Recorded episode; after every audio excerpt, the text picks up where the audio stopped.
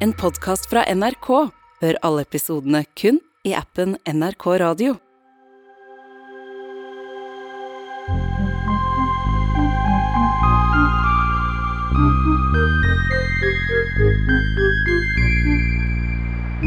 Rundt omkring i Norge finnes det meklere som jobber for at folk som er i konflikt, skal møtes ansikt til ansikt for å snakke ut.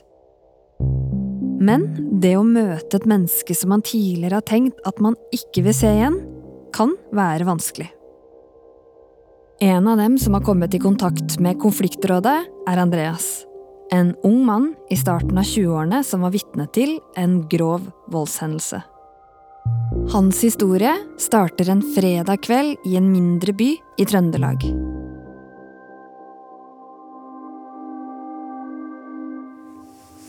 Tidligere den kvelden Jeg tror jeg bare var hjemme og så på TV og mamma og pappa og alt det der. Gullrekka og sånne ting. Litt utpå kvelden eh, så fikk jeg en melding av kompisen min om, han, om jeg kunne hente den på byen. Eh, Og det kunne jeg jo selvfølgelig. Andreas låner bilen til faren sin, som har et dashcam som filmer alt som skjer. Lyden dere hører, er ekte opptak fra denne kvelden. Og så henta han, og han var ganske, eh, ganske full. Og nettopp kommet fra byen og hadde sine historier fra det. Det var sånn MILF som tok meg og Altså, Milfen tok meg dag. Nei, jeg måte ikke kline nok til å liksom prøve på. Det er jo litt sånn damer i fokus når eh, det er snakk om byen. Så det var jo på en måte det praten gikk i, da. Så ser vi en taxi som har stoppa. Hvor eh, taxisjåføren har gått ut, og passasjeren har gått ut. Og at det er litt sånn amper stemning da, mellom dem. Andreas stopper bilen og ruller ned vinduet for å se hva som skjer. Opptakene fra dashkameraet viser en mann i 30-årene med pene klær og rufsete hår, som nå er på vei mot bilen til Andreas. Og i hånda så har han en stor, tom spritflaske. Han står, og han er over meg. Sånn at jeg, jeg føler meg veldig sånn forsvarsløs, da. Mannen lener seg inn til bilen og ser inn i det åpne bilvinduet. Han tar et hardt grep om sikkerhetsbeltet Andreas har på seg, og strammer til. Og så presser han spritflaska ned i låret til Andreas. Jeg føler at hvis jeg sier noe galt her nå, så kan det på en måte smelle. da. Jeg sier til han kompisen min at uh, gå ut av bilen, fordi at jeg vil ha han på utsida av bilen hvis noe skal skje, ikke sant? Begynner å flire av meg sånn, da, fordi at uh, jeg sender ut kompisen min av bilen. Du må ikke sende ut kompisen, da. Det er eneste som har støvballer baller har. Og han kaller meg for redd. og... Og idet han åpner døra, kompisen min, og liksom skal gå ut, så går han vekk fra bilen. da. Andreas og kompisen kjører fra stedet. Fy faen, jeg likte ikke det der. altså. Du takla det bra. altså. Andreas tar opp telefonen og ringer 112. Jeg holdt på å kjøre hjem med en kompis, og så skulle jeg snu. Og akkurat der jeg snur, så står det en taxi midt i veien med en eh, Med en Politiet ber Andreas om å stanse og vente til de kommer. Det er mørkt, men gatelyktene lyser opp veikrysset foran dem. Kameraet i bilen gjør fortsatt opptak og fanger lyd og hver eneste bevegelse. Plutselig ser Andreas den samme mannen som var truende mot han og taxisjåføren. Nå klamrer mannen seg fast i døren på en annen bil i fart. Kjører jeg på rødt, med vilje her. Andreas kjører etter. Bilen som mannen klamrer seg fast til, stanser. Det samme gjør Andreas. Han kjenner pulsen stige, men rekker ikke å tenke før mannen med spritflaska åpner døra og drar ut sjåføren av bilen han hang etter.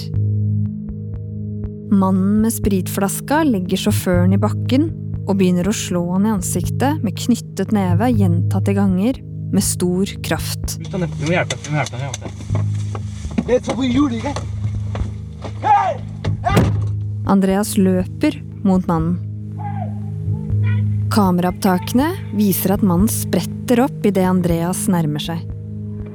Mannen med spritflaska løfter beinet og tråkker til i ansiktet på personen som ligger livløs på bakken. Andreas tar fart og sparker mannen i brystet så han faller bakover. Han legger seg nå over den voldelige mannen, og etter hvert kommer det flere som hjelper til å holde mannen fast. Fra kameraopptakene ser man blinkende blålys fra politibiler som nærmer seg. Den frykten jeg hadde eh, når jeg gikk inn i det lyskrysset Jeg var på en måte livredd for at noe skulle skje. Når jeg har sett på den videoen sånn i ettertid, bruker jeg jo litt tid på å på en måte få av meg setebeltet, og slagene kommer jo ganske hyppig. Ha- Hadde vi gått ut av bilen ett sekund raskere, så hadde det kanskje vært ett slag mindre, ikke sant? Og det er jo kanskje det som hadde vært forskjellen. Mannen som ble banka opp, ble innlagt på et sykehus med store hodeskader. Men han overlevde. Ett år etter hendelsen får Andreas en telefon. Det er fra konfliktrådet. Hun dama som ringte meg fra konfliktrådet og spurte om jeg kunne tenkt meg å møte han. Det er ikke noe jeg ville ha gått med på hvis det hadde vært et sånn eh, privat eh, initiativ, da. Likevel sier Andreas ja, nesten før han rekker å tenke. Og om bare noen dager så skal han møte Jonas, mannen med spritflaska. Jonas er ikke hans virkelige navn, men av hensyn til familie og berørte, så er han anonymisert. Jeg er veldig glad for at det har gått så bra som tilsynelatende det har gått med alle involverte. Da. Så kunne jeg jo kanskje ha drept noen den dagen der for jeg husker jo ingenting. Jonas ble dømt til to år og en måned i fengsel for grov vold. Og nå som straffen snart er ferdig sona, ønsker han å gi et nytt bilde av seg selv til menneskene han møtte den natta. Jeg kan garantere dem at de ikke møtte meg i samme setting igjen. Jeg har uh, slutta å drikke brennevin. Jeg vet ikke om det var utløsende faktor, men det i hvert fall eh, jeg hadde veldig høy promille. Konfliktrådet har forsøkt å få kontakt med avisbudet som ble slått ned, men har ikke fått tak i han. Jeg får jo ikke, får jo aldri igjen den tida, så det er vel den dyreste flaska rom jeg har drukket, for å si det sånn. For Jonas førte hendelsen til en helomvending i livet. Fra å leve det han selv kaller et A4-liv, med hus og en godt betalt jobb, til å sitte i fengsel i flere år. At det er kjipt å sitte på den sida her og ha gjort det. Det, det er kjipt for dine nærmeste òg. Som må stå ved lag, skulle du si, på de sider. Så nå er det min tur til å, å starte på nytt igjen. da.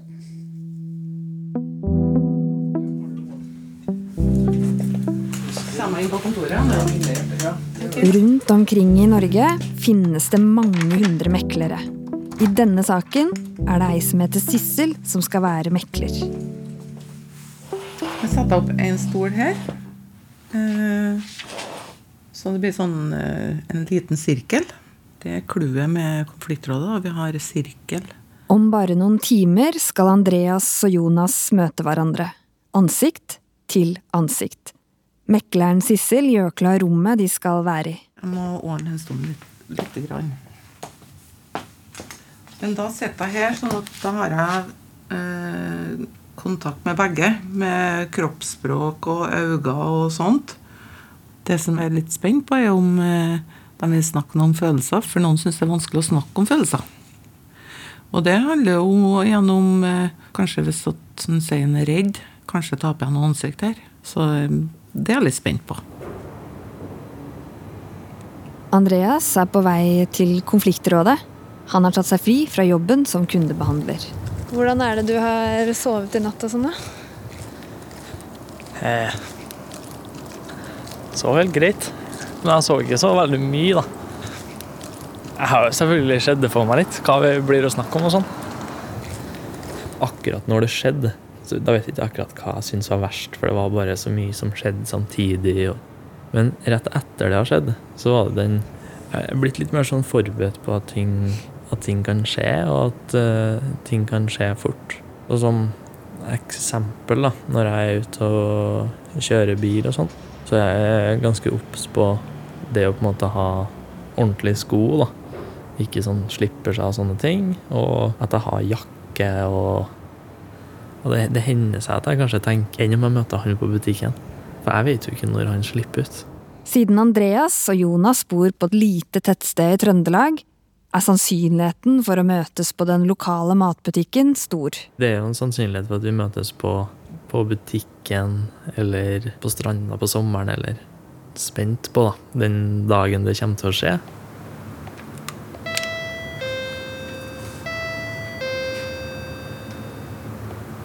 Er litt tidlig ut, kanskje. Hei. Hei sann. Velkommen. Takk, takk. Mekleren Sissel slipper Andreas inn. Har du lyst på en kopp kaffe? Eh, nei takk. Men gjerne et glass vann sånn sånt etterpå. Det skal du få. Ja. Spent? Ja, litt spent, ja. Helt normalt. Det går seg sikkert til etter etter hvert. Sånn det var bare å vente på andre parten. Det er ikke noe fikk puls.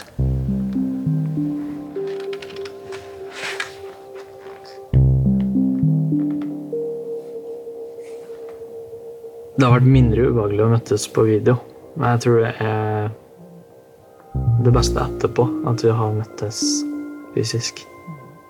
I en ferdig sone, eller en Det kan du få spørre om i møtet. Ja. For det vet han bedre enn meg.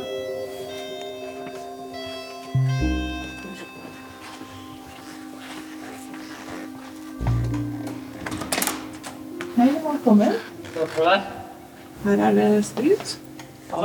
Jonas kommer inn og nikker mot Andreas mens han tar av seg ytterjakka. Vil du ha kaffe eller litt vann, du, eller? Jeg kan ta litt vann. Se det, vet du. God dag. God dag, god dag. Ja. Jeg vet ikke om jeg kan si takk for sist, da. Nei, kanskje ikke takk for sist, men Sissel leder Andreas og Jonas til møterommet. De setter seg ned på stolene som er satt opp i en sirkel. Andreas gnir hendene mot låret, og Jonas rister rastløst med det ene benet. Begge veksler mellom å se på hverandre og på mekleren Sissel. Jeg ønsker ønske dere velkommen til møtet, ja. Jo. Begge to. Takk for det. Og så bra at begge partene, at du og sa ja og ville møte. Og mm.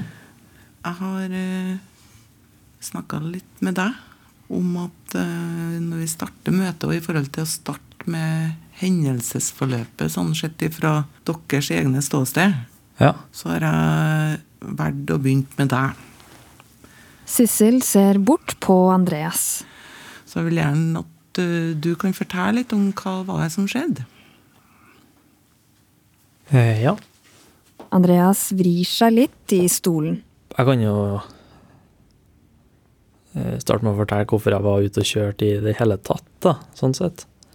Andreas begynner å fortelle om det som skjedde den kvelden og natta. Jeg skulle hente en kompis midt i der jeg holder på å snurre. Så kommer jo du bort til ruta, og så Men er ikke det mye lenger fram enn der taxien står? lenger Sånn. fram, hva tenker du? Der du snur ikke på busslomma før du kommer til gangfeltet, liksom. Nei, jeg kommer jo fra krysset. Ja, du gjør det i utgangspunktet? Ja. Ok. Og så skal jeg snu 180 grader. Og jeg skal ja, tilbake sånn, ja. til krysset igjen. Jeg trodde du kom fra byen i utgangspunktet. Ja, jeg hadde vært i byen, men jeg hadde kjørt Ja. motorveien. Ja. Ja, for jeg skulle egentlig kjøre av på Reman, og så på oversida av veien. ja, sånn, ja. Sånn at du kom opp på gangfeltet der, der jeg egentlig skulle ha gått. Ja, sikkert. Ja, for at Mekleren Sissel griper inn når hun merker at det blir mange avbrytelser av Andreas sin historie. Hvis vi venter litt, eh, og så får han fortelle ferdig. Ja, ja. sånn som Nei, det er greit. Jeg skal ikke Ja, ja, ja. Jeg vi bare- ble bare nysgjerrig. For Ja. Andreas fortsetter å fortelle det han husker fra hendelsen. Og så på et tidspunkt der òg, så Husk at du tar tak i i setebeltet her, da. Så står du på en måte og liksom stramme i setebeltet, så liksom fester Over midja, ja. Ja. Eh, og da har det på en måte gått litt over det at du bare har en samtale og snakker. Så da begynner det å bli liksom litt uh... Når han gjorde det, Hva følte du da? Nei, det var, det var ikke noen sånn ny følelse som meldte seg, da. Annet enn at jeg på en måte ble mer og mer eh, på en måte redd for at det her skulle eskalere inntil en krangel, eller Eller krangel var jeg egentlig aldri noe redd for. Jeg var jo redd for at det skulle bli eh, fysisk. Sånn som du så ut den kvelden, da. Litt sånn rufsete på håret og sjanglete og sånn. Så kjente jeg på en sånn frykt for at du på en måte eh, At du var At, at du hadde kniv, blant annet. Det, det hadde du jo sikkert ikke. Men jeg kjente på en frykt for at liksom, hvis det blir en fysisk skjønner jeg, jeg bare det var ekkelt, og den flaska og sånn. Ja. Sånn at uh, Du vet jo aldri hva som kommer. mm. Etter Andreas har gått gjennom hendelsesforløpet slik han husker det, forteller Jonas om at han tidligere den kvelden hadde vært hos en kompis og drukket. Var det liksom noe sånn spesielt der som skjedde? At du på en måte var i det humøret? Noe sånn krangel eller eh, sånne ting? I utgangspunktet så så er jeg egentlig noe sånn emosjonelt eh, som er bakenforliggende ved et kjæresteforhold som har pågått i 10-11 år. Mm. Så utgangspunktet for turen var jo at jeg skulle til byen for å se om jeg fant hun. Mm. Og jeg vet ikke om det er emosjonelt eh, forbanna, liksom, på et eller annet. Jeg var sint Ja. på mye På alt og ingenting, egentlig. Mm. Så, og derav så er det sikkert eh, der drikkeinntaket òg. Så jeg drakk jo uhemma, liksom. Mm. Jeg har tenkt en del på det. Hva som utløste, liksom. Jeg har jo prøvd masse masse og tenkt for å prøve å få tilbake minnet. Det kommer jo ikke tilbake minnet, liksom. Så, så jeg husker fra jeg våkna i arresten, at det var ja, mange politifolk som, som blåholdt meg liksom i alle lem. Mm. En som sto i skrittet på meg, og så sto det en lege her som skulle ha blodprøver med. Så sitter jeg vel 40 timer på glattcelle her. For, for da har ikke noe Ingen som har fortalt meg, for tror, ingen tror at jeg ikke husker. Det eneste jeg hadde, var noen merker her som så ut som på tenner. Det er når rettspsykiateren kommer inn på Da skjønner jeg at det har skjedd noe alvorlig. Hun spør jo om alt fra jeg var liten til jeg var stor, til hvilket familieforhold jeg har, og hvilken oppvekst jeg har, og hva jeg driver på med.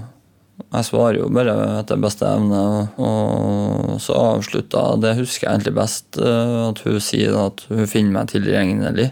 Så ble jeg tatt ut av eh, glattcella, og ja, da satt jeg inne på et sånt kontor med en pult. Og så var datamaskinen liksom rett inn til venstre når jeg kom inn døra.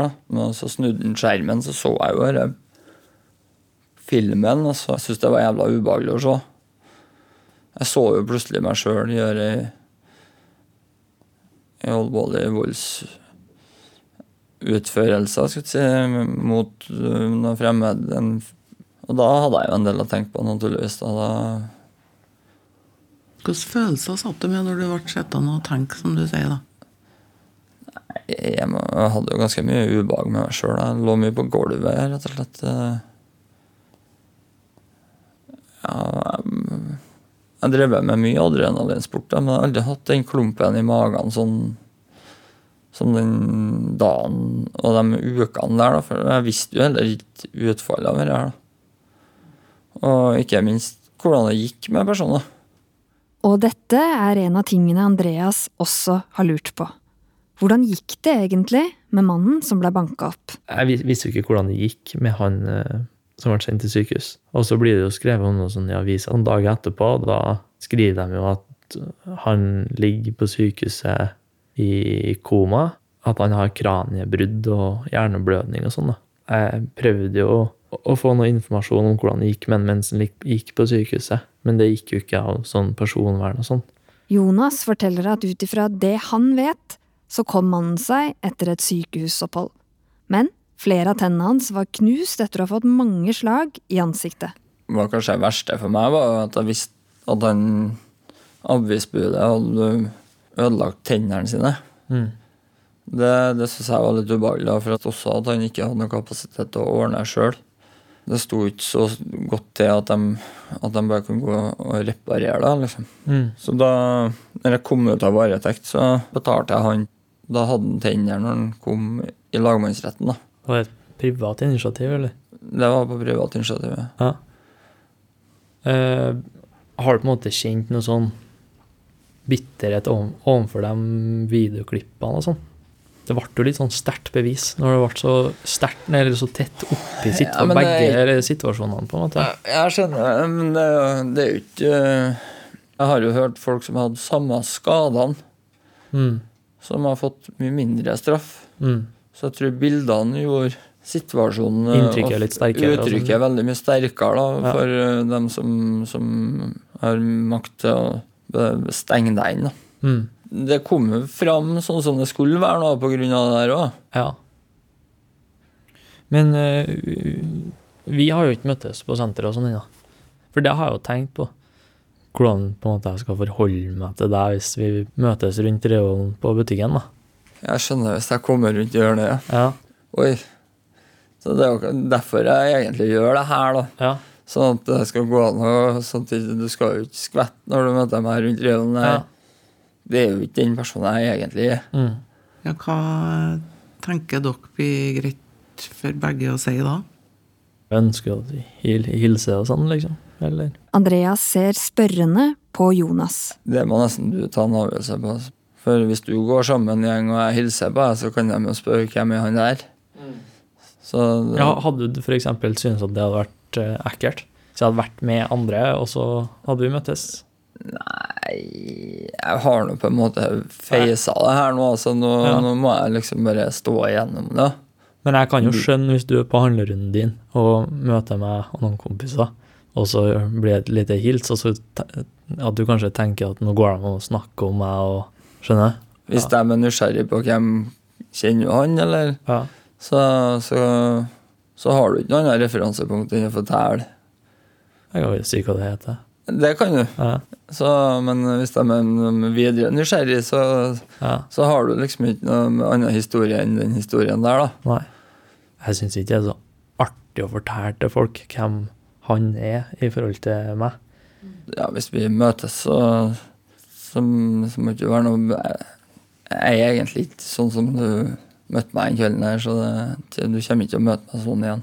Jeg må bare beklage at det ble sånn som det ble, men eh, jeg skulle ha hatt det ugjort. Men eh, det er nå sånn en gang at du får ikke, får ikke gjort noe med det. Mm. Hvis vi tar en sånn liten tilbakeblikk til når jeg møtte deg i fengselet, Sissel henvender seg til Jonas. eh, så ønska du å få møte han, for du ønska å si noe til han ansikt til ansikt. Føler du at du har fått sagt det du har behov for å si til han ansikt til ansikt?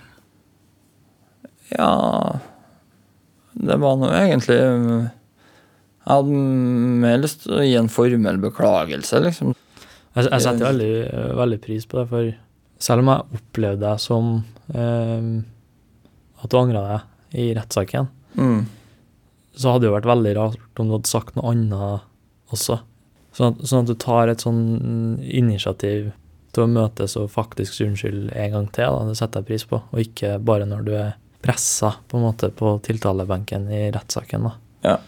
Og der er jo en av tingene at du må kanskje face problemene, sånn at du Mm. kan tillate deg å gå videre med det. Og det en av grunnene til at jeg har spurt deg om det. her. Jeg syns det er kult at du prøver å komme styrka ut av hele situasjonen. Takk for det. For meg så høres det ut som eh, dere har liksom kommet til en enighet og kanskje er ferdigsnakka med det som har skjedd, og hvordan det er i dag. Mm. Jeg var jo litt usikker på hvordan det skulle bli å møte deg. Du virker nå som en hyggelig og driftig fyr, så jeg, jeg er ikke noe redd for at vi, vi skal møtes på butikken eller, Nei, eller noe sånt. det må ikke være. Nei. Det er ikke noe Ser du lyst på framtida etter det du kommer ut, da? Med tanke på Ja, opplæringskontoret og sånn. Jeg blir pappa om to måneder. En og en halv måned. Gratulerer. Det er hyggelig å høre. Ja, takk for det. Kan, kan jeg spørre om det Eh, ikke hvem som er dama, men eh, er det hun samme fra den kvelden, eller? Nei, det er ikke det. Nei. Jeg traff hun uka etter jeg kom ut av varetekt. Så hun har jo backa meg fryktelig gjennom det her. og Stilt opp og kommet i fengsel. og ja, Mm. Har brutt en del eh, barrierer overfor seg sjøl. Og ja, hun, hun åpner dørene som åpnes. Hun, hvis, hvis jeg er bak dem, liksom, så, Mm. Så lærer jeg til henne, da. Eh, jeg lurer på om jeg føler de at det er greit at vi avrunder møtet nå, eller er det noe mer de har lyst til å si til hverandre? Nei, jeg har ikke noe særlig mer jeg vil ta opp, i hvert fall. Nei, det, det føles ut som det er litt status quo nå. Mm. Jeg vil gjerne avslutte med å si tusen takk for at dere har bidratt og delt som dere har gjort. Jeg har ikke behøvd å stille så mange spørsmål til dere, for dere har jo egentlig hatt dialogen sjøl, så det er all ære til dere. Så eh, tenker jeg egentlig at vi avslutter møtet. jeg. Mm. Ja, det er befriende. Ja, jeg, må, jeg setter veldig stor pris på at du gidda det her. da. Jeg setter pris på at du, at du tok initiativet. Det skulle bare mangle. Jeg snusa, så det tenkte jeg gjøre noe med. den. Ja. Kjøp meg feil snus da. Jeg har snus, da. Nei, det går fint. Eller takk. Riktig god helg, da. Jo, likeså. Lykke til fremover i tid. Takk for det. Skolegang og familie. Ok, Ok, ha det bra.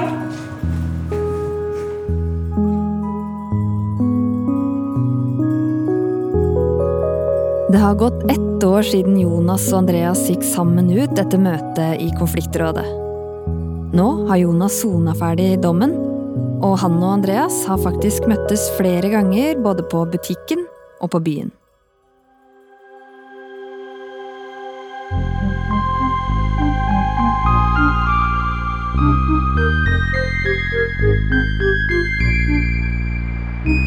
For ti år sia kjørte Richard inn i Renate og påførte henne store skader. De har plaga meg, og det, det her er en sånn situasjon som jeg eh, skulle ønske liksom ikke hadde hendt. Nå har han spurt konfliktrådet om hjelp til å komme i kontakt med Renate for å si unnskyld. Noe som skal vise seg å ikke bli fullt så enkelt som Richard først trodde. Nei. Nei, nei, nei. For det jeg husker fra Rikard, det er fra rettssaken. Og der var han bare iskald. Men så skjer det noe som gjør at Renate må vurdere dette møtet enda en gang. Denne podkasten er laga av Ambrit Pedersen og meg, Sunniva Sundby. Therese Aune har laga musikken, Kristi Jonsson og Lillian Grønning står for lyddesign. Konsulent Kjetil Saugestad. Prosjektleder Halvor Nitteberg. Redaktør Veslemøy Hvitsten. En podkast fra NRK. Jeg heter Hege Omre og har laga historien om den største flytragedien på fastland i Norge. Flystyrten i Asker. Nei, jeg merker jo at flyet begynner å få lavere høyde. Den blir en annen lyd. Lille julaften 1972. Et passasjerfly er på vei fra Ålesund til Oslo. Det var ikke mange sekundene etter at da kjente jeg at det begynte å riste. En flyveleder oppdager at flyet er helt ut av kurs. Da tenkte jeg faktisk at uh, nå går den i bakken. Flyet styrter ned i den mørke skogen i Asker. Det er 45 mennesker om bord. Forberedte meg at det var det siste gangen jeg hadde sett henne. I mange timer leter frivillige og redningsmannskaper etter det savna flyet. Og det lå mennesker, levende og døde, spredt rundt over hele den flate myra. Fortvilte pårørende aner ingenting om hva som har skjedd. Jeg var nå helt knust. Og satt og så på TV. Og det gikk nå om igjen og om igjen og om igjen. Det er en mann her borte som trenger tøy. Flystyrten i Asker hører du først i appen NRK Radio.